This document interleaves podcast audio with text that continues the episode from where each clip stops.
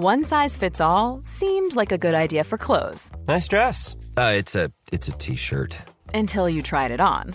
Same goes for your healthcare. That's why United Healthcare offers a variety of flexible, budget friendly coverage for medical, vision, dental, and more. So, whether you're between jobs, coming off a parent's plan, or even missed open enrollment, you can find the plan that fits you best. Find out more about United Healthcare coverage at uh1.com. That's uh1.com. Quality sleep is essential. That's why the Sleep Number Smart Bed is designed for your ever evolving sleep needs. Need a bed that's firmer or softer on either side? Helps you sleep at a comfortable temperature? Sleep Number Smart Beds let you individualize your comfort so you sleep better together. JD Power ranks Sleep Number number 1 in customer satisfaction with mattresses purchased in-store. And now, save 50% on the Sleep Number limited edition Smart Bed for a limited time. For JD Power 2023 award information, visit jdpower.com/awards. Only at a Sleep Number store or sleepnumber.com. Millions of people have lost weight with personalized plans from Noom, like Evan, who can't stand salads and still lost 50 pounds. Salads, generally, for most people, are the easy button, right? For me, that wasn't an option. I never really was a salad guy. That's just not who I am. But Noom worked for me. Get your personalized plan today at Noom.com. Real Noom user compensated to provide their story. In four weeks, the typical Noom user can expect to lose one to two pounds per week. Individual results may vary. Ann, vet du vad som nalkas snart? Sommarsol. Och min berömda midsommarfest. Det är din älsklingstradition. Och vad passar då inte bättre än att vi denna vecka sponsras av Rusta? Jag drog iväg till Rusta och gjorde, du vet, den här episka inköpskavalkaden. Alltså de har så mycket bord, stolar. Dynlådor. Och det lampor. roligaste av allt. Ja, Jag vet. lampor, mattor. Det där. Gud vad man älskar det. För jag måste säga så här. Det spelar ingen roll hur fina möbler du har. Om du inte har lullullet, Mm. de fina ljusslingorna, ljusen, lyktorna, blommorna. Kuddarna, Nej, mattorna. Precis. de det måste utemattor. spegla Ja. livet, det underbara livet. Hörni, gör som vi. Gå in på Rusta och botanisera bland alla deras helt fantastiska utemöbler och allt sortiment av det vi väljer att kalla skatglitter för din sommarfest. Tack Rusta för att ni sponsrar Inte din morsa. Tack, vi är så glada.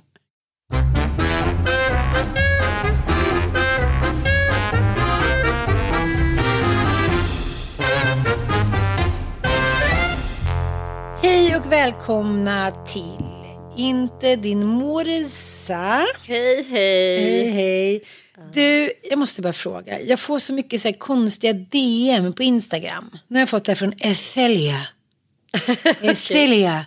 Jag går in på hennes eh, Instagram. Hon har så här smycken och det är mycket jord och dockor och bilder och liksom. Ja, men hon är så här ljusdrottning och andlig. Så här, jättesnygg med massa liksom eh, flät och hit och dit. Och så blir jag alltså misstänksam. Hon har gjort 81 inlägg och har 119 följare och följer mig. Ja, det är alltid lite... Och så skriver han så här, I'm drawn to your beautiful unique nature. I love those who choose to walk their own path. I can see the strength within. You do so regardless of negative forces pulling you back. The universe has many things in store for you, my friend. You are meant for great things as well. I feel it and adv- advise you to see into it. Are you there? Jag bara, always. nice to meet you. Can I ask you a personal question? Sure. How can you rate your spiritually scale from 1 to 10? Jag bara, right now, right now 6. Du börjar så, nej men vänta stopp ett tag. Du börjar så skriva i Ja. DMs med den här okända människan Ja. som vill prata ändlighet med dig. Ja, Ja. spännande. Ja, du sa hon tycker inte det är eh, inte så dåligt med sex. För det är inte alls sex, jag är typ ner på minus sju. Jag bara skrev, Could be better, growth or improvement. Och nu, igår, my dear. Jag bara, nej, vadå, vi har skrivit två DM till varandra. While I was meditating, it was to reveal to me that you're a really special woman and you have abundant blessings and gifts that you should have received a long time ago. But there are blockages and bad energies which has been hindering you from moving forward from where you are now. Are you there? I'm here. have you ever had a consultation reading before? Ah, ja. Hon ska kränga på dig då. Ja, jag fattar precis. Precis. Men Ja. det är ändå att man blir lite så här, jaha. Alla vill väl vara så här meant for something bigger. Ja, Ja, gärna inom andlighet då när man känner så här, ja det var här, det var julafton och det var Men det grått. verkar och... i övrigt vara ett knep bland då krängerskor att eh, tala om då för oss eh, tänk, tänkta klienter eller vad man nu ska kalla oss för att vi har speciella förmågor. För det har jag också fått höra Ja. mängder av gånger att du har liksom mediala förmågor själv. Precis. Du måste bara lära dig att plocka fram dem så och, och då ska man bli attraherad och känna sig sedd och speciell och utvald och så. Antar jag. Så det är väl ett eh, försäljningsknep. Liksom. Jo, jag fattar, men jag tänker så här med sina 81 följare. Varför liksom valde hon ut mig? Varför tog hon inte någon i USA då där hon bor? Eller varför har hon liksom, varför orkar hon lägga energi på mig nu? Om jag skulle skriva så här, yes I have. Hon bara säger, just 10 euro, eller vad då? Alltså jag tror verkligen så här, och den här typen av skumrask. Vad heter ens den typen av brott? Alltså det är när man, eh, för, inte förskingring utan när man, eh, alltså bedragare. Ja, alltså vi Men har känner inte jag berättat för dig när jag blev alltså brutalt lurad i New York? Nej, Har jag inte? nej. Men för jag, jag älskar ju att gå till spådamer och jag har ju träffat så många mediala människor som är mediala på riktigt. Så jag vill Ja. mena att de här bedragerskorna verkligen så här, de, de bidrar till en enorm sån svartmålning av hela den här eh, genren och branschen. Så att liksom bort med dem bara och gör skillnad på på liksom när du träffar en sån här bedragare. Det här är ju klockrent en människa som kommer vilja lura dig på ganska stora belopp genom att skrämmas. Afrikabrev. Jag ska berätta kort. Ja. Jag var och hälsade på min syrra. Eh, min halvsyster bor ju i New York med sin eh, mamma. Och jag var väl kanske, ja jag var 17. Eh, så jag var där själv för första gången och hade, spenderade ju väldigt mycket tid själv. eh, Runt och strosade på Manhattans gator för de var på jobb och skola och sådär en vecka. Det finns ju i Greenwich Village massor med såna här små shops. Liksom man går en halvtrappa under och ser liksom tarot, readings, med, vad heter det, att man är medial. Ja. Allt sånt tycker jag är kul. Ja. Så jag skuttar ju ner bara liksom ett kvarter ifrån där min syrra bodde.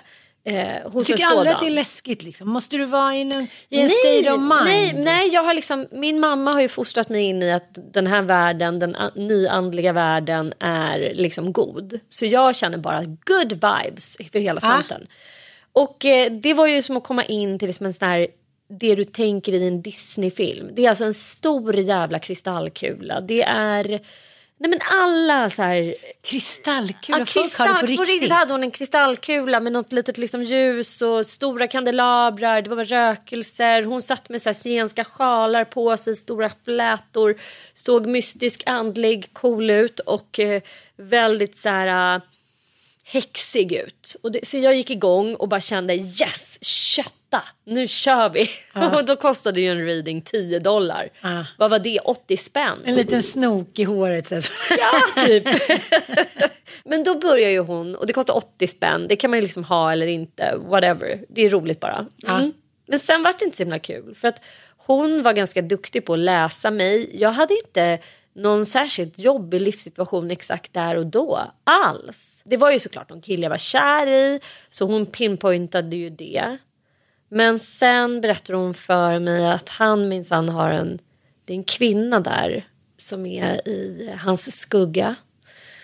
Hon, äh, äh, hon vill dig så illa Sanna så att det här, nej men nu, nu. Och sen liksom bara får hon någon, jag vet, inte hur jag ska förklara det men det är liksom någon form av excess liksom beteende.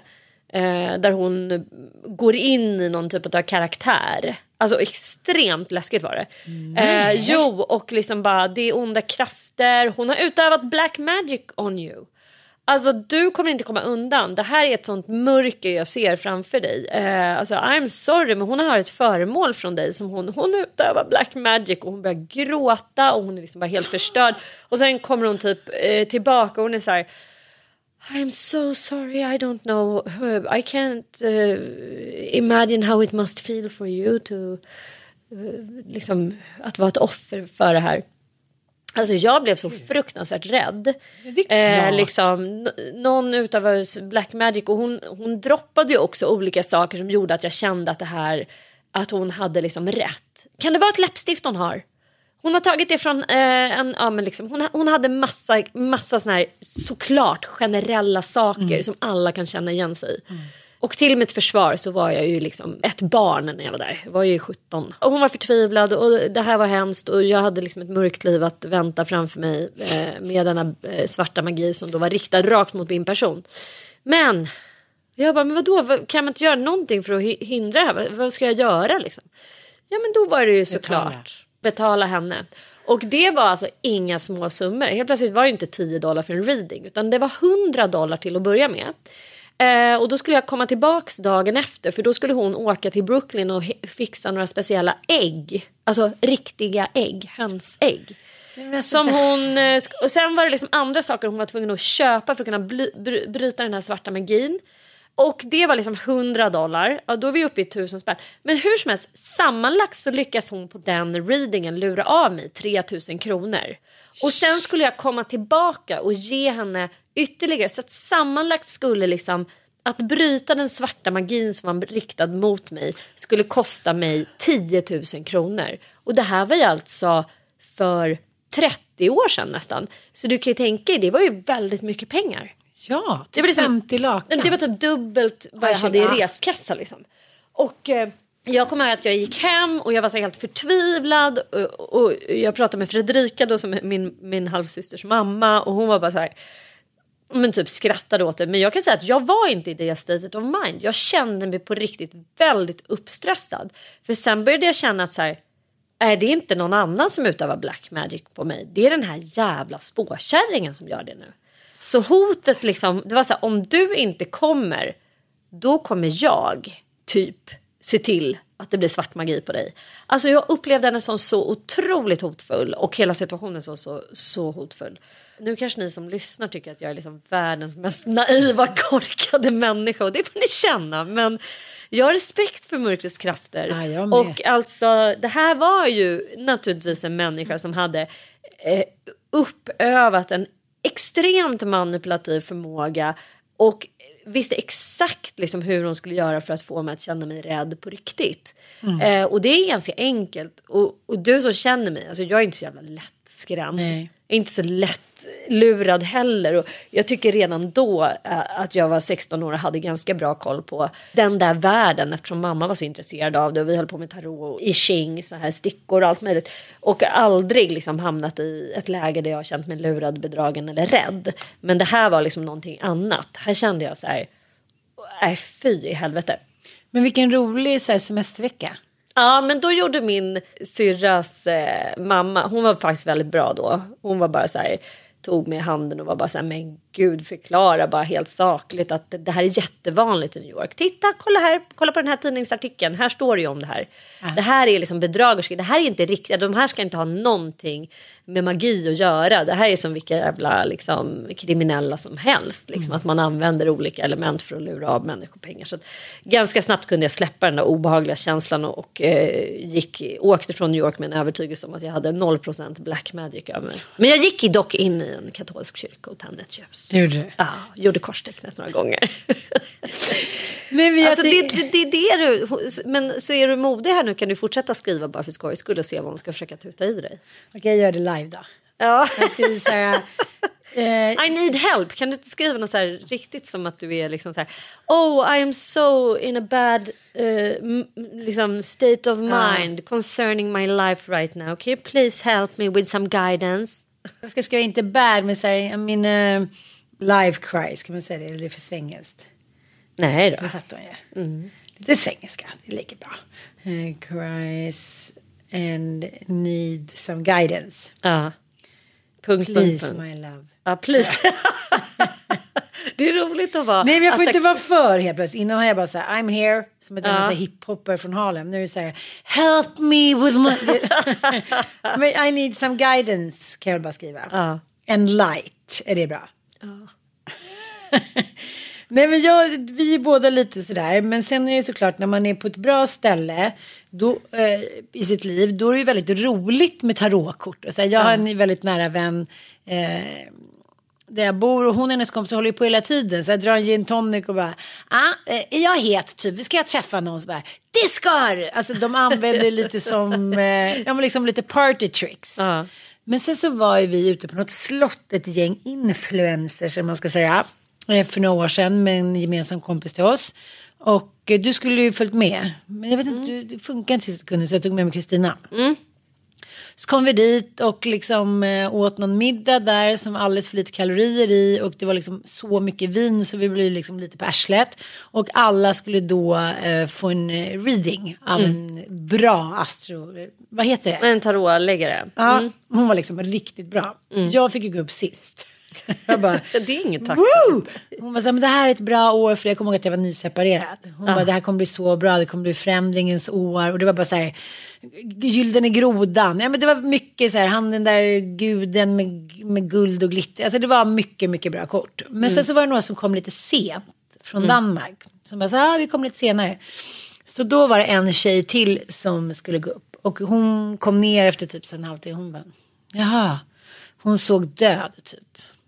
Döden. Ja, och eh, sen gick det några månader sen så visade det sig att en, eh, ja, men, en i hennes familj hade fått cancer.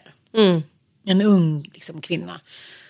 Så då kände jag så här, eh, jag vet inte. Och så, så mina kompisar då eh, som var så här, men nu kör vi, vi bara dricker lite vin och kör tarotkort. Jag tänker så här, man måste vara i en state of mind där man kan ta sånt här, förstår du? För du berättade ju för mig häromdagen att du och eh, Karo och Sofia. Jag, Carro och Sofia, ja, Vi, vi hade ju, alltså jag, är, jag måste säga att jag är så glad över det för att alltså det, jag upplever ju att hela vårt samhälle lever i någon slags andlig nöd. Och har man en andlig, ett andliga behov, vilket alla människor har tror jag, så är det ganska svårt att få sig det till livs. Alltså de erbjudandena, de, de liksom duggar inte tätt om man Nej, säger så. nej. Utan du måste ganska aktivt söka till någon form av så här andligt sammanhang. Det är klart att det finns yogaklasser överallt men det är, liksom, det är långt ifrån så pass liksom tillfredsställande att gå på en yogaklass. Eh, det kan ju bara vara en fysisk liksom, gymnastisk upplevelse. Ja. Eh, när man faktiskt vill ha någon form av liksom, möte med, med en annan dimension eller med, med någonting större eller vad man ska säga. Men Sofia, eh, som ju jag har varit kompis med ända sedan vi gick i gymnasiet. Hon har ju liksom, liksom jag ett stort intresse för ritualer, för liksom det andliga och hon är sjukt intresserad av allt sånt. Och hon är också, bangar inte för att köra lite ceremonier. Hon är ju yogalärare och det har hon Eh, och vi har ju tillsammans eh, horse yoga och liksom och hon är så intresserad av personlig utveckling och att kunna se saker och ting ur ett andligt perspektiv. Vilket är så jävla nice. Och det jag gillar med henne det är att hon verkligen har så här 0% humor kring det. Hon behöver inte skoja bort det. Det behöver inte vara så här partytryck utan hon gör gärna en stor kopp te och sen så skriver man liksom små lappar med intentioner som man bränner. Alltså, hon älskar ritualer. Ja. Och eh, jag älskar att jag bara så här, får åka med i det. På Ja. När förra helgen då var det fullmåne i kräftan. Jaha. Eh, det var 2023s första fullmåne. Och eh, det bara råk, har råkat falla sig så att vi har liksom träffats, jag, Karo och Sofia, när det har varit fullmåne i Vattumannen, alltså i början av juli. Och sen har vi träffats här i början av året. Liksom. Och, och det är också någonting fint på något sätt som jag eh, uppskattar i livet. Det här, som att vi har så här återkommande, att man faktiskt åker på den där resan varje år med sina barn. Det är så betydelsefullt för mig för att hela mitt liv tror jag bara har bestått av så här, saker som har gått sönder i Ja. mångt och mycket. Och inte att man har återkommit till. Nej, och att man inte lyckas återkomma, man lyckas liksom inte skapa den, det är så här ständiga uppbrott och att man måste tänka nytt och tänka om hela tiden. Och Ja. så bara, nej men nu får jag bara landa i att så här är det. Och då sågs vi för att liksom basta, yoga, rida och lägga tarot. Ligga med djävulen. Och dessutom adderade vi den här gången att vi skulle göra allt detta nyktert. Vilket är Ja. så nice. Eh, därför att vi också har, eller jag har bestämt mig för att gå in i 2023 utan alkohol. Jag gör ju inte det av problematiska skäl. Utan jag gör det för att jag är nyfiken. Alltså jag gör det för att se om det här kommer förändra någonting i mitt liv. Alltså, kom, kommer jag behöva välja annorlunda? Kommer jag börja uppskatta andra saker och andra sammanhang mer? Eh, och sen kommer jag tycka att det är råskönt att slippa vara bakis. Jag hatar att vara bakis. Alltså jag har var, alltså det blir värre och värre för varje år. Mm. Och eh, flera gånger under 2022 när jag har blivit bakis bara så efter tre glas vin så har jag känt så här. Jag pallar inte det här. Det är inte värt det. Den där lilla rusningen som jag fick är inte värt det. Men sen vet jag Var hur det jag... här och- efter jullunchen? Nej det var det inte faktiskt. Jag, har tänkt så, jag tänkt mycket på det under 2022. Jag har också tänkt på det utifrån det perspektivet att vi förväntar oss att personer som har beroendesjukdom. Bara, det väl bara sluta dricka. Ja men testa själv då. Alltså det är inte så lätt. Även för person som inte har beroende. Därför att alkohol är en så stor del av vår kultur. Är, du blir, kommer bli ständigt ifrågasatt. Eh, smart av mig att berätta om det här i podden. Alla kommer veta om det. Men jag har också sagt så här, jag börjar med en månad. För att jag är liksom så dålig på att hålla löften. Alla mina nyårslöften som jag någonsin har gett har jag alltid brutit. För jag är en trotsperson och jag hatar att typ inte få göra som jag känner för. På Men impuls. du är med på mitt storhetsvansinne-år. Ja fast lite tvärtom. Skitsamma, vi gjorde den här helgen nyktra och det var världens jävla underbaraste helg. På något sätt så bara råkade vi liksom passera den här tarotleken som Sofia hade med sig. Det var liksom det vi, det var vår första intention att nu ska vi lägga liksom kort. Men så bara, äh, det blev aldrig så. Fredagen gick, vi bastade istället, vi la ansiktsmasker, vi skrev intentioner, vi yogade, eh, vi käkade jättegod mat, vi sov, vi sov ut. Sen bara gick vi upp till hästarna och så bara, men vi har ju inte lagt tarot, vad fan så här. Nej men det får vi göra sen och sen så skulle deras tåg gå men sen sa Sofia så här, nej nu gör vi det bara. Vi har en halvtimme kvar. Vi måste göra det här för det är någonting eh, som är- gör att vi ja. liksom drar oss för det här lite grann. Så. Ja, ni Ja. kände så att på något sätt undermedvetet Ja, så var det så här, men- "Oj, men skulle vi inte bara gå ner och kolla Ja till men det lite så lite? Ja. Nej, men vadå? Ja men att Ja. vi liksom så. Men då satte vi oss och precis innan de skulle åka hem och så sa jag men då drar vi bara varsitt kort. Vi drar bara varsitt kort ur hela leken. För Hur annars... många kort är det i en lek? 72 tror jag. Eh, tarotleken består ju av lilla och stora arkanan. Och lilla arkanan är ju alltså svärd, koppar, alltså bägare och eh, vad det nu är mer. Alltså den är liknar mer ju en vanlig kortlek liksom. Ah, Okej. Och sen har du stora arkanan med de här figurerna. Det är döden, det är the hanged man, det är empress, eh, det är... ja, men alltså det det är ju 12 eller 13 Gud, tycker- stora figurer. Jag blir, så, jag blir så här lite ångestladdad och upphetsad fast jag vet redan vad du ska säga. Ja, men då, Sofia är ju då liksom the mastermind of tarot eh, i vårat gäng. Ja, det är för att hon inte har barn. Så ni... Så hon hinner läsa alla de här. Nej, men hon är ju jätteintresserad av det och hon är ju jättebra kompis med, jag tror hon heter Tarot Gary, det var hon som läste åt er tror jag.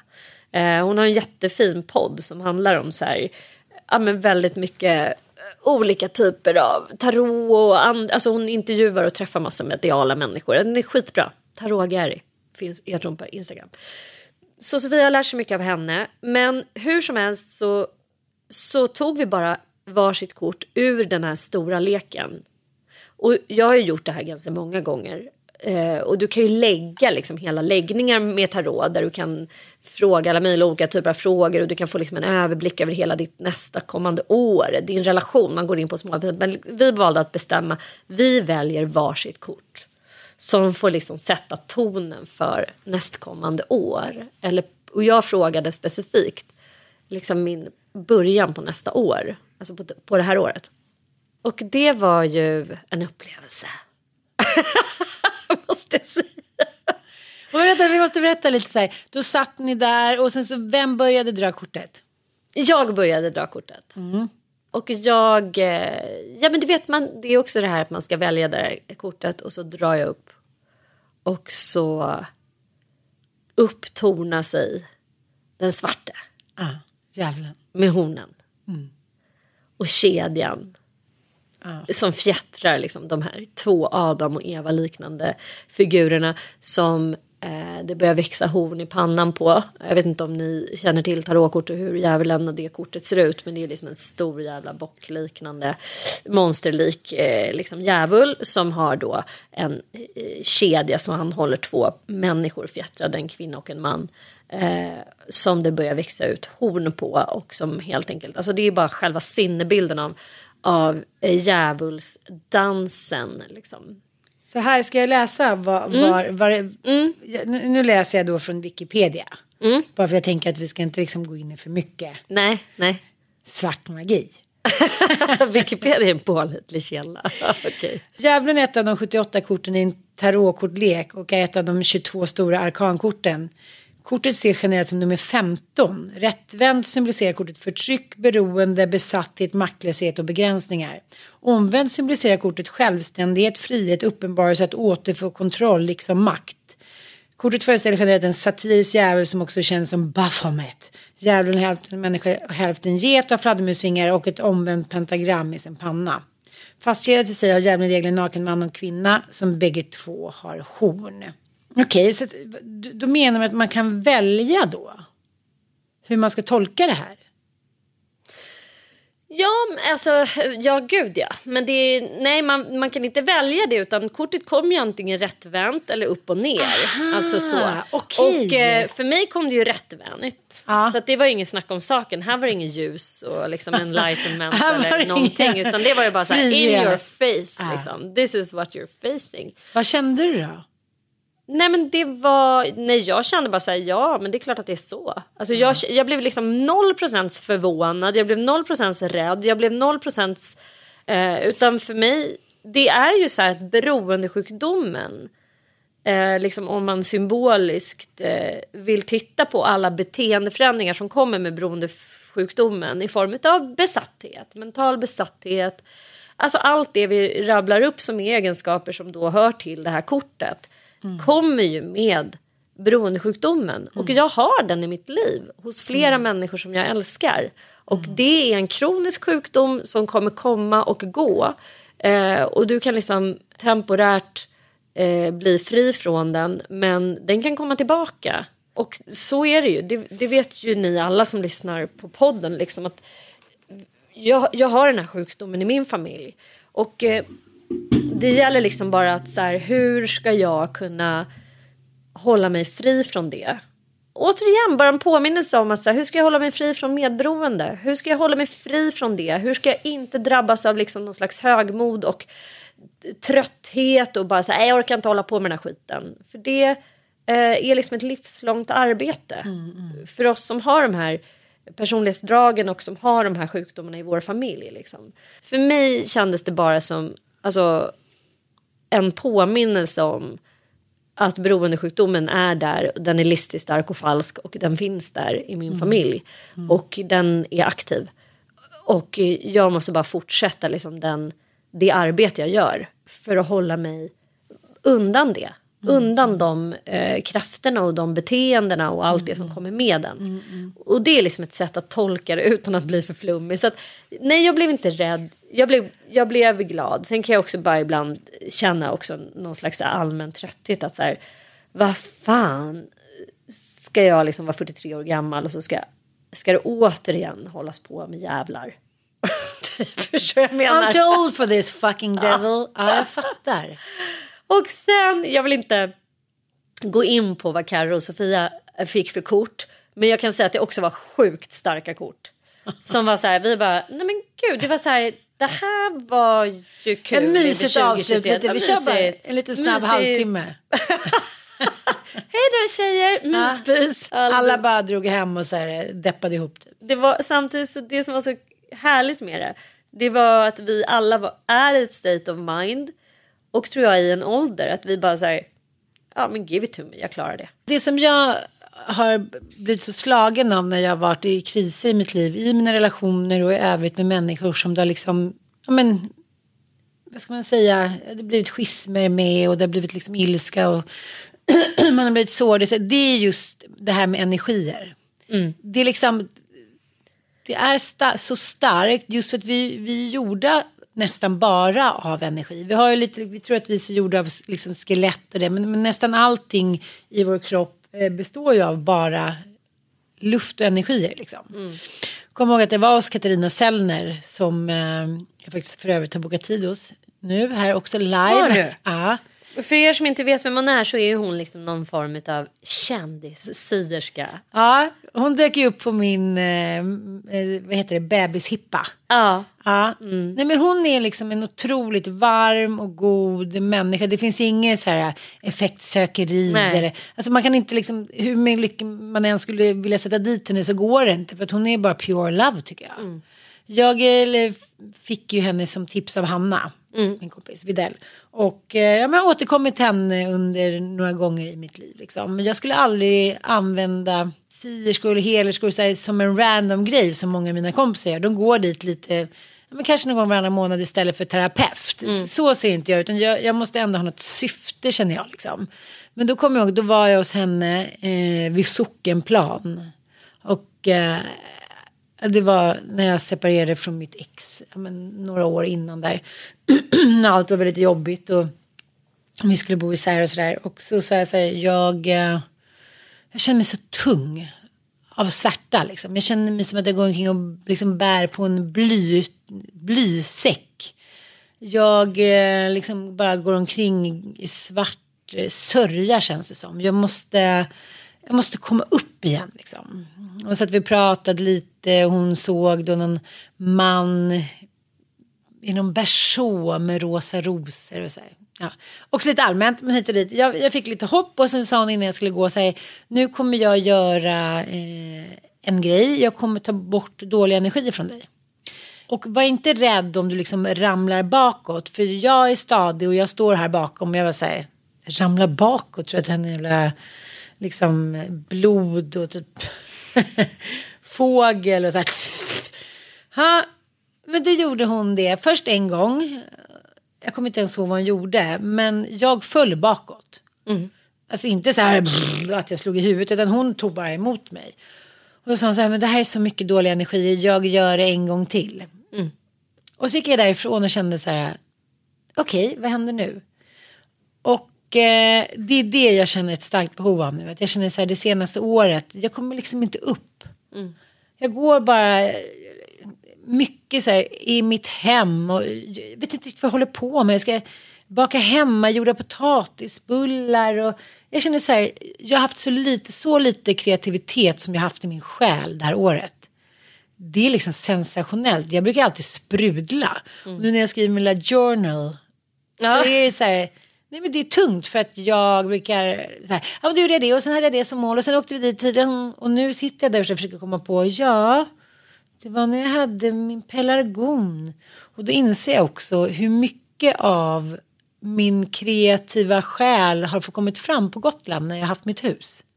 Att då har det varit så okej nu är det vardag, nu är det hit och dit, nu är det ungar som ska upp och det är vabb. Och sen så, liksom när jag kommit dit i påsk så har det där bara så här, som att sätta på en fors. Och då känner jag, gud vad det där låser mig, att jag inte har den ventilen längre. Eh, och jag börjar känna så här, jag, bryr mig inte så mycket om mina pelargoner när jag har ställt ut och de står där på trappan. Och, alltså det är såna grejer som har betytt så mycket för mig som jag har glömt bort de senaste åren. Och då tänker jag, då skrev jag till henne att jag ville träffa henne. Hon bara, du kan komma klockan fem idag. Jag var så här, nej, men det går inte. Men att jag tänker att jag ska gå dit och bli av med lite dålig energi. Aldrig fel. Aldrig fel. Gud vad jag känner instinktivt att om Sigge Eklund lyssnar på det här avsnittet nu, han kommer typ hata oss då. Varför? Han hatar all sånt här humbug. Nyandlighet och flum. Men vet du, det får han göra. Vi, Du, vi nu har du med honom. anklagat honom för någonting som han absolut inte kan försvara sig. Så nu måste jag skriva till honom och fråga om han... Men jag vet jag lyssnar ju frekvent alltså, besatt på hans eh, podd och det här återkommer han ju till. Det är liksom hans, det, det det området där jag känner att Sigge och jag, liksom, vi kommer aldrig kunna mötas där. Han är ju så här extremt icke-troende och han har ett stort förakt för människor som tror på den andra sidan och sådär. Och eh, men så får det vara, man får vara olika, man har olika behov. Och jag anser också att så här, den här eh, delen av mig, det är liksom en jag känner mig lite som en så här tioåring när jag aktiverar den. Och jag gillar det. Att man inte behöver ha logiska resonemang kring varenda jävla grej. Att inte allting behöver vara liksom vetenskapligt förankrat. Utan att så här, livet kan få vara magiskt och det kan få vara liksom stort och det kan få vara flummigt. Mm. Eh, en del av mig. Sen är det så jävla mycket an andra delar av mig som bara pågår i den där hjärnan och som letar efter liksom vetenskapliga bevis och studier och allt som vi hela tiden håller på med. Så här research till höger och vänster. Det är ganska skönt att, det, att få vara, ha en liten kammare både i hjärta och hjärna som bara liksom får ägna sig åt lull-lull, flum och medial verksamhet. Men jag tänkte på det. Jag. Ja men jag håller med. Jag tänkte på det på julafton när vi var och ju inne i Julkrubban. Ja, julkrubban så tänkte jag det var så mycket folk. Mm. Det var som att det var en hårdrockskonsert. Folk stod bara i gångarna och det var liksom fullsmetat. Jag kände så här. Hur alla kom in där och kände sig alla vi behöver det här. Mm. Vi behöver liksom en get som går där och en åsna och Jesusbarn och liksom. Och jag tänkte på mina barn. Jag vill säga, de har inte mycket andlighet i sitt liv. Nej, inte överhuvudtaget. Inte min pojke heller.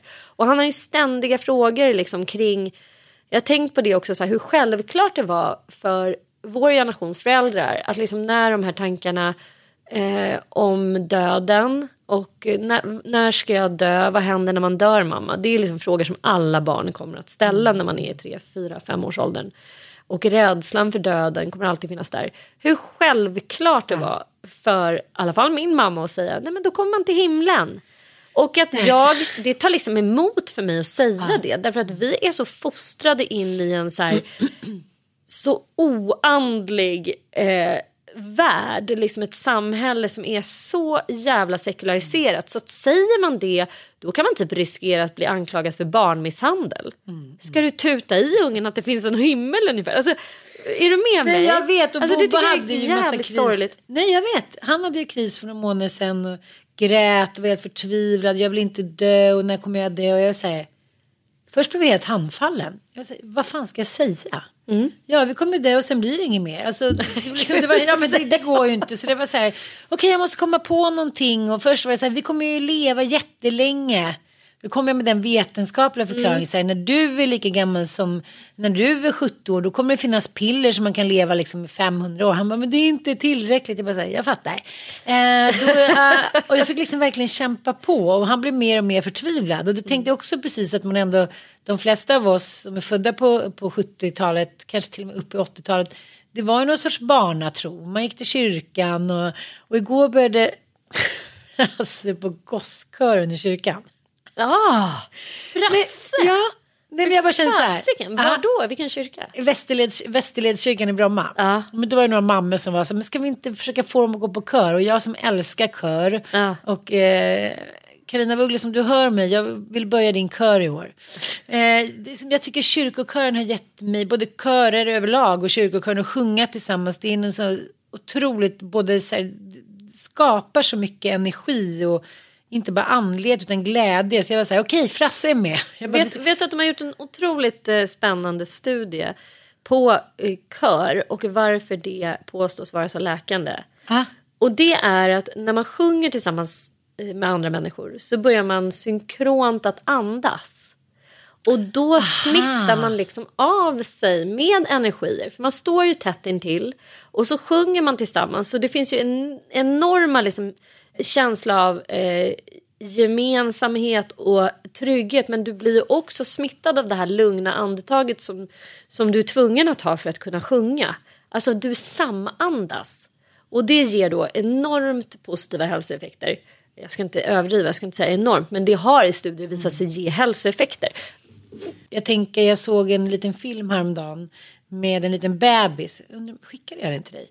Med, mamman sitter bredvid, en ganska liten bebis, kanske två månader. Om ens det.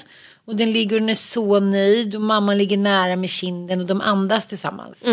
Sen sätter hon sig bara upp. Och liksom försvinner ur hans sfär.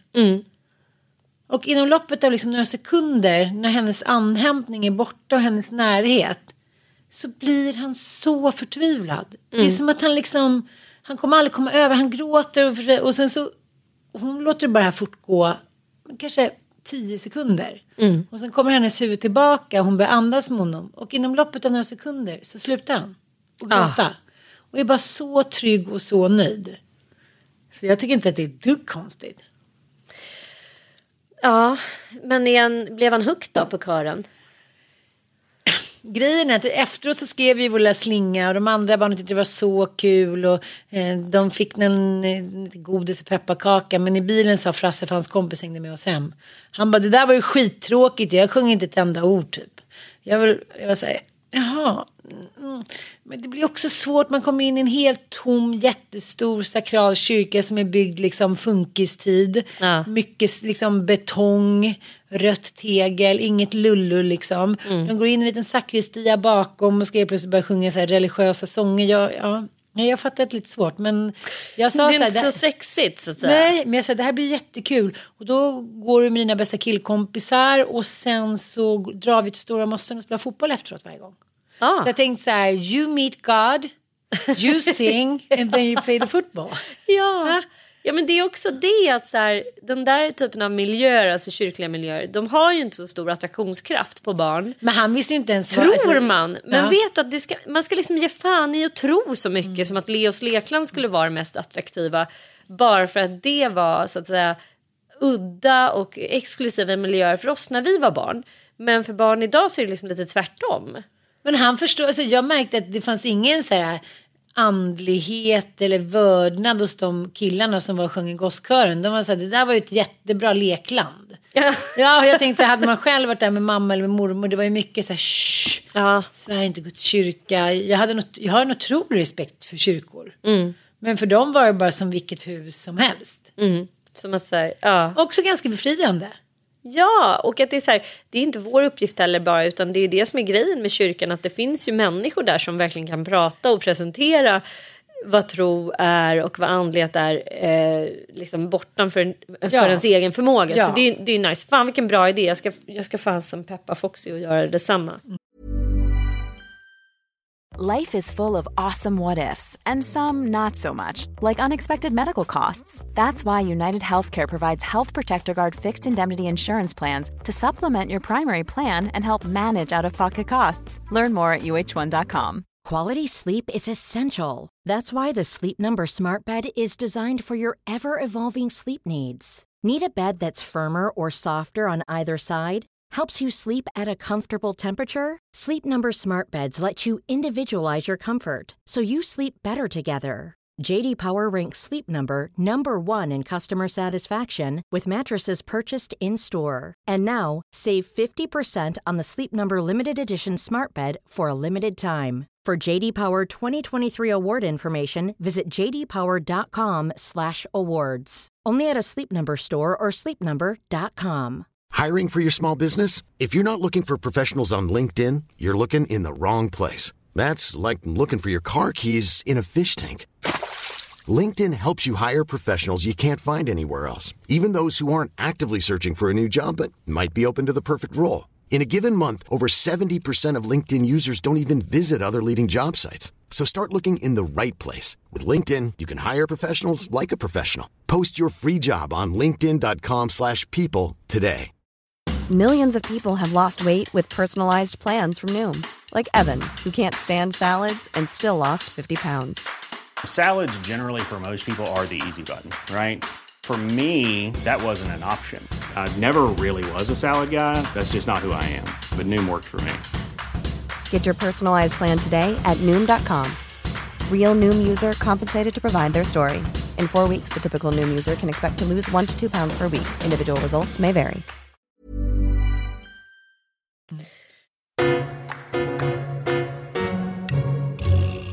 Men du, Ja. eh, apropå djävulen så vill jag också jag vill meddela att jag nu har sett Nattryttarna.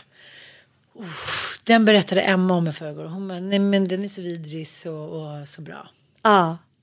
Eh, Nattryttarna är ju en originalserie från eh, Seymour eh, som är eh, baserad på en sann historia. Eh, Händelserna på hästgården hette den, eller heter den bok som mamman då eh, i den här superdysfunktionella familjen har skrivit. Och sen så har vi då Sofie Jan som har skrivit sin historia i, i en egen bok. Det har dessutom gjorts... Hans dotter. Mm, det är hans dotter, en av döttrarna. Han hade ju fyra barn med den här kvinnan som, eh, som eh, förekommer i den här skildringen. Eller man ska säga. Sen har ju då P1 gjort en dokumentär som också heter Hästgården.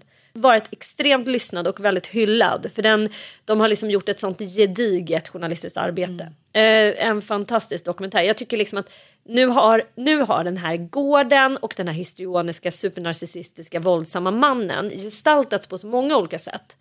Och det som är fascinerande det är liksom att både de här böckerna, alltså romanerna som familjemedlemmarna själva har skrivit håller hög klass. Den här dokumentärserien som eh, Sveriges Radio då har eh, producerat och sänt håller sjukt hög klass. Så man tänker att är inte den här historien redan tjatad? Men då dimper den ner då, Nattryttarna som ju då är en dramaserie som Ulf Kvensler har skrivit manus till. Nej men herregud, jag är slagen fucking till marken.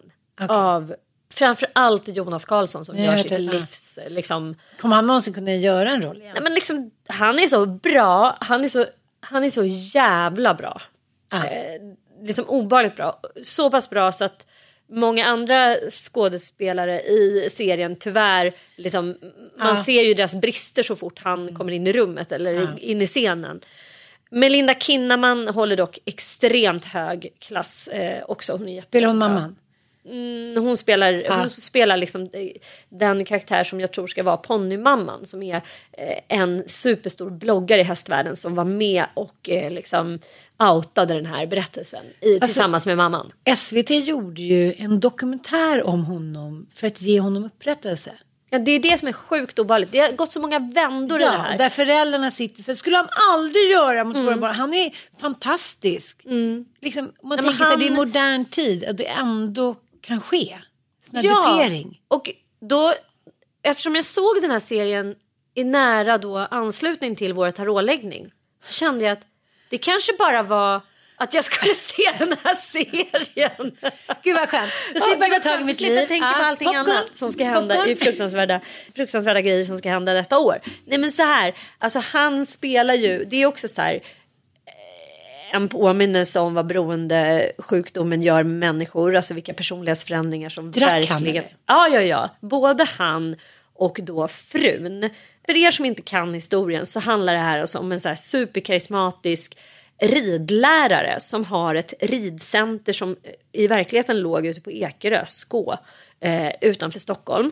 Och just på Ekerö så rider alla som bor där du bor, i Bromma och i en norrort. Alltså ganska hyfsat rika människor som har sina hästar där ute. Liksom. Och han hade ju då ett ridcenter med en egen ridskola och eh, hade ju massa hästar och till salu hästar och ridläger för ungdomar men också för vuxna. Och de hade en ridklubb, eh, Skå ridklubb tror jag den hette, där han då såklart var ordförande. Så allting kretsade kring den här mannen som då i början av 90-talet blir anklagad och dömd för sexuellt ofredande, sexuellt utnyttjande av underårig. Alltså jag tror att han får tre domar. Efter att några stalltjejer, hela deras verksamhet byggde väldigt mycket precis som resten av hästbranschen på obetalt arbete av då halvt som halvt trasiga tjejer som kanske har jätterisig hemmiljö och gärna vill liksom hänga med hästar. Eh, så att han hade ju då unga tjejer som jobbade i stort sett gratis dygnet runt och bodde i små stugor runt om på den här gården. En av de här flickorna som blev våldtagen av honom upprepade, vid upprepade tillfällen anmälde honom med hjälp av en mamma i den här klubben. Och då började det liksom eh, vecklas ut en, ett pärlband av flickor som då medanmäldes. Jag tror det var fyra tjejer som eh, anmälde honom och eh, en vidrig rättegång följde. Eh, och han blev då dömd och fick sitta i fängelse i två år. Men det obehagliga med den här rättegången det är att liksom det här delar den här ridklubben i två två liksom enklaver. Hälften av de här rika bitchmorsorna väljer att tro på honom. Hur fan kan man göra Och det? sen, kan men det är ens- klart att alla tjejer var kära i honom. Han som var så karismatisk. Och det är klart att vadå, hur, kan man ha stannat på hästgården i ett halvår och bott kvar i lillstugan om man nu blir våldtagen en gång i veckan? Alltså allt Men läs där. bara lite psykologi. Mm, men det gjorde ju inte folk generellt på den tiden. Hur länge sedan var det här? Det här var ju i början av 90-talet. Eh, Aha, det var så och sen, länge sedan. Ja, hur som helst, han blir dömd. Men frun, det som också är så här sjukt provocerande och obehagligt är att han den fru som han då får fyra barn med och lever med hela tiden som eh, lever alltså i så hård eh, traumatisk bindning till honom går ju in i total förnekelse. Nej, hon, han har inte våldtagit någon. Han slår väl barn? Ja, ja, ja. Och då, han åker ju in i finkan när barnen är väldigt små. Och i den här eh, dramaserien så har han bara två barn. Men i verkligheten hade han ju fyra barn. Och den andra delen av den här dramaserien utspelar sig lite senare. Det är ju när hans barn då, när han har kommit ut från fängelset, blivit och dessutom då när han sitter i fängelset så blir han då eh, mycket riktigt kontaktad av SVT som vill göra en dokumentärserie för att få honom liksom tvätta hans byk. Varför? Han har blivit, han har, men det är liksom det här när det gäller sexuellt våld och våldtäkt. Att det inte finns någon teknisk bevisning. Eftersom man har liksom inte kunnat säkra det utan ord står mot ord. Det är två berättelser som går hårt emot varandra. Och eh, alltså den här mannen som i verkligheten hette Jerry Jan, han var ju liksom extremt manipulativ och, och väldigt liksom vältalig och så här rättshaveristisk så att han drev ju det här själv extremt hårt liksom. Eh, men han, det blev ju då en dokumentärserie där också en tjej, jag vet inte om det här stämmer i verkligheten, men flera tjejer vittnade ju till hans fördel som själva hade blivit utsatta. Så han lyckades ju liksom med traumatisk bindning, med hot om våld, få människor att liksom stå upp för honom trots att de själva hade blivit utsatta. Och det gäller ju framförallt hans fru då, mamman till de här fyra barnen. Och hon var ju själv bara ett barn när hon blev liksom groomad av honom. Hon var 15 eller 16 år och han var dubbelt så gammal. Och eh, lämnade då sin dåvarande fru för att bilda familj med henne. Så hon fick ju sina första barn när hon liksom var jätte, jätteung. Och levde ju sen i hot om våld, alltså utsatt för brutalt våld. Och han börjar sen, alltså hans, eh, i takt med att hans beroende eskalerar, han hade ju massor med andra personlighetsstörningar också, men beroendet var ju en enormt stor del av det våld som han utövade både fysiskt och psykiskt. Alltså det är ju när han dricker som han nattryttarna, eh, hela, det, hela den titeln kommer sig utav att han tvingade sina barn att bara mitt i natten när han var eh, dyngrak så bara tvingade de att sätta på sig ridkläder och gå ner i ridhuset och sadla på en eh, oriden häst och eh, liksom rida ett ridpass med risk för deras liv. Alltså de blev ju utsatta för så enorma risker. Den är ju för alla som har vuxit upp i dysfunktionella familjer ska jag varna och säga att den faktiskt är väldigt triggande. För jag hade liksom så här lika delar, du vet så eh, kulturellt eh, liksom kulturell kåthet. Att man känner så här, åh vad det här är bra. Men lika delar sån ångest över bara så här, ah, det, alla de här tysta absurda överenskommelserna. Du vet det här vi pratade om. Gjorde vi inte det vid något tillfälle för ett tag sedan? Liksom så här, I dysfunktionella familjer att så här, det finns inga regler, det finns inga gränser. Förutom tysta överenskommelser och att eh, en person har liksom helt bizarra eh, idéer som bara ska följas till, till punkt och pricka. Så superrigida eh, system som man liksom måste gissa sig till. Så de var i ständig liksom, eh, rädsla och också hamnade i en sorts freeze. Total Nej, rädsla och skräck och allting handlar ju också. Jag tycker det här falska hoppet är så himla fint. Det måste ju vara någon som har väldigt god liksom, insyn i hur, hur saker och ting fungerar i en dysfunktionell familj. Det är liksom övertydligt gestaltat. Men också det här falska hoppet, alltså att de har så här, de bara sitter i ett väntrum. De, de kan inte leva sina egna liv överhuvudtaget. Det enda de har att förhålla sig till det är liksom när ska det här våldet ta slut? När ska, ska det här liksom livet eh, få en vändning? Och för barnen så är det ju när de fyller 18. Så de räknar ju den huvudpersonen, flickan som har skrivit boken som, som nu eh, är vuxen. Hon berättar liksom hur hon bara räknar ner dagarna som en så här fängelsekund så här sitter och markerar i en kalender. Vad ska de göra då när de fyller 18? De blir fria då. Då kan han inte bestämma över dem. Innan dess så försöker ju flera av barnen göra liksom anmälningar, polisanmäla, de läggs ner hela tiden. Alltså det är, så här, det är också det att eh, hela vårt så här, skyddsnät eh, sviker dem så många gånger under deras uppväxt. Så att de har ju liksom ingen tilltro till att de kan få hjälp. Förutom att de själva blir myndiga och vuxna och kan välja själva vad de ska göra med sina liv. Och då drar de ju därifrån. Bara fort utav helvete. Men den är, jag vill inte avslöja för mycket. Det här kanske jag redan har gjort. Jag ska inte se den ikväll kände jag. Nej du ska inte Nej. vilja ha liksom, nej det är, Nej. Det är en feel bad Ah. serie kan Ah. man säga. Ah. En grej som jag bara vill säga också som jag tycker var så sjukt snyggt. Som jag tycker att man ska tänka på när man skriver manus om dysfunktionella familjer eller hos människor som är så mörka. Det är liksom att det finns en scen, för jag höll på att bli liksom jävligt irriterad för att han skildras ju liksom som ondskan själv. Det finns Ja. ju liksom ingenting som gör att man kan förstå att man ens kan Jaha okej det är i och för sig lite konstigt. Ja, men i den sista avsnittet, för han drabbas av cancer. Det här är ju liksom ingen nyhet. Eh, det vet ju alla som har lite koll på den här historien. Men det är att han... Så jävla snyggt att dottern liksom närmar sig honom och så har de ett så väldigt fint möte i slutet. Aha, okej. Du vet att han säger att han älskar henne. Alltså det finns någon typ av så här, hon får någon typ av försoning liksom. Och så tror man ju som tittare då att så här, åh, nu har det landat. Sjukdomen tog honom. Nu kom liksom empatin fram.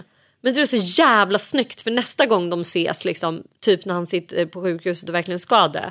Nej, då är det tillbaks. Ondskan är i full blom liksom. Nej. Jo, det tyckte jag var... Jag tyckte det var så jävla snyggt manusmässigt. Att man liksom skriver in att den här konflikten också finns. Att det, det är klart att man... Att såna här personer inte bara är liksom eh, galna, histrioniska och vidriga utan de, de måste ju kompensera. Han är smart ibland. Nu har eh, Hassan avslöjat allt eh, i den här serien så då tycker jag att vi Skippa den. Nu ska vi bara innan vi slutar ska jag kolla här om eh, min tarotkvinna har svarat. Men jag tänker hon är från Amerika och där är väl då Ligger och sover nu. mycket tråkigt. Men det är mycket det där, det här att det är blockages and bad energies which, has been hindering you from moving forward from where you are now. Det är för sig precis det du behöver hjälp med. Ja. Kanske är värt en 500. Ethilia! Ja, varför inte? Why not? Ah. Ethilia, I'm not rich. Storhetsvansinne. But I have eh, 500 dollars. Kan- Nej, det behöver, nej, 5 dollars. Five dollars to spend on you. ja, hör gärna av er om era spirituella tankar Upplev- och ja, upplevelser. ni, om ni Så har roligt. det, så här, har ni träffat någon spådam? Har ni fått någon tarotläggning? Alltså någonting, det behöver, alltså så här, dråpliga, roliga, har Ja. ni blivit lurade, bedragna eller liksom fått det kan era vara vad liv som helst. Mm. räddade? Vad som helst. Skicka in dem. Gå in på vårt Instagramkonto, inte din morsa, skicka ett DM. Så kan vi lova att dela med oss av, Ja. eh, Det blir specialavsnitt. ja, det Ja. kan det baske mig bli. Då kanske vi ska hit någon. Det ska vi ringa Sigge och det ska Vi vi... kanske ska ta hit Tarot-Gary. Ja, det gör vi. Ja. ja. Men då måste ni skicka in så vi har något att fråga om. Mm, det måste ni göra. Ja, puss och kram och god fortsättning.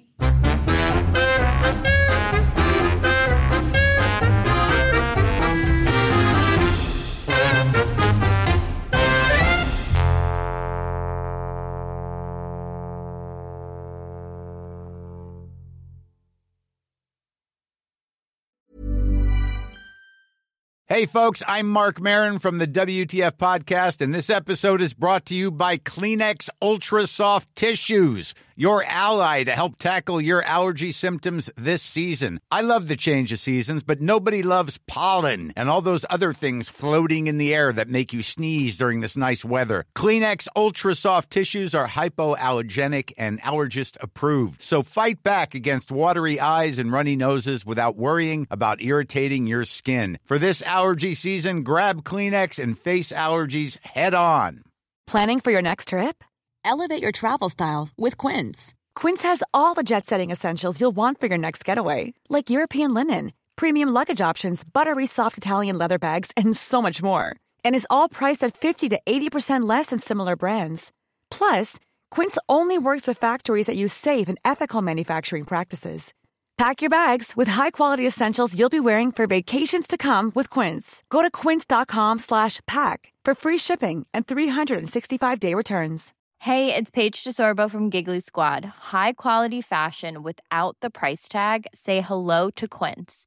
I'm snagging high-end essentials like cozy cashmere sweaters, sleek leather jackets, fine jewelry, and so much more. With Quince being 50 to 80% less than similar brands. And they partner with factories that prioritize safe, ethical, and responsible manufacturing. I love that. Luxury quality within reach. Go to quince.com slash style to get free shipping and 365 day returns on your next order. Quince.com slash style.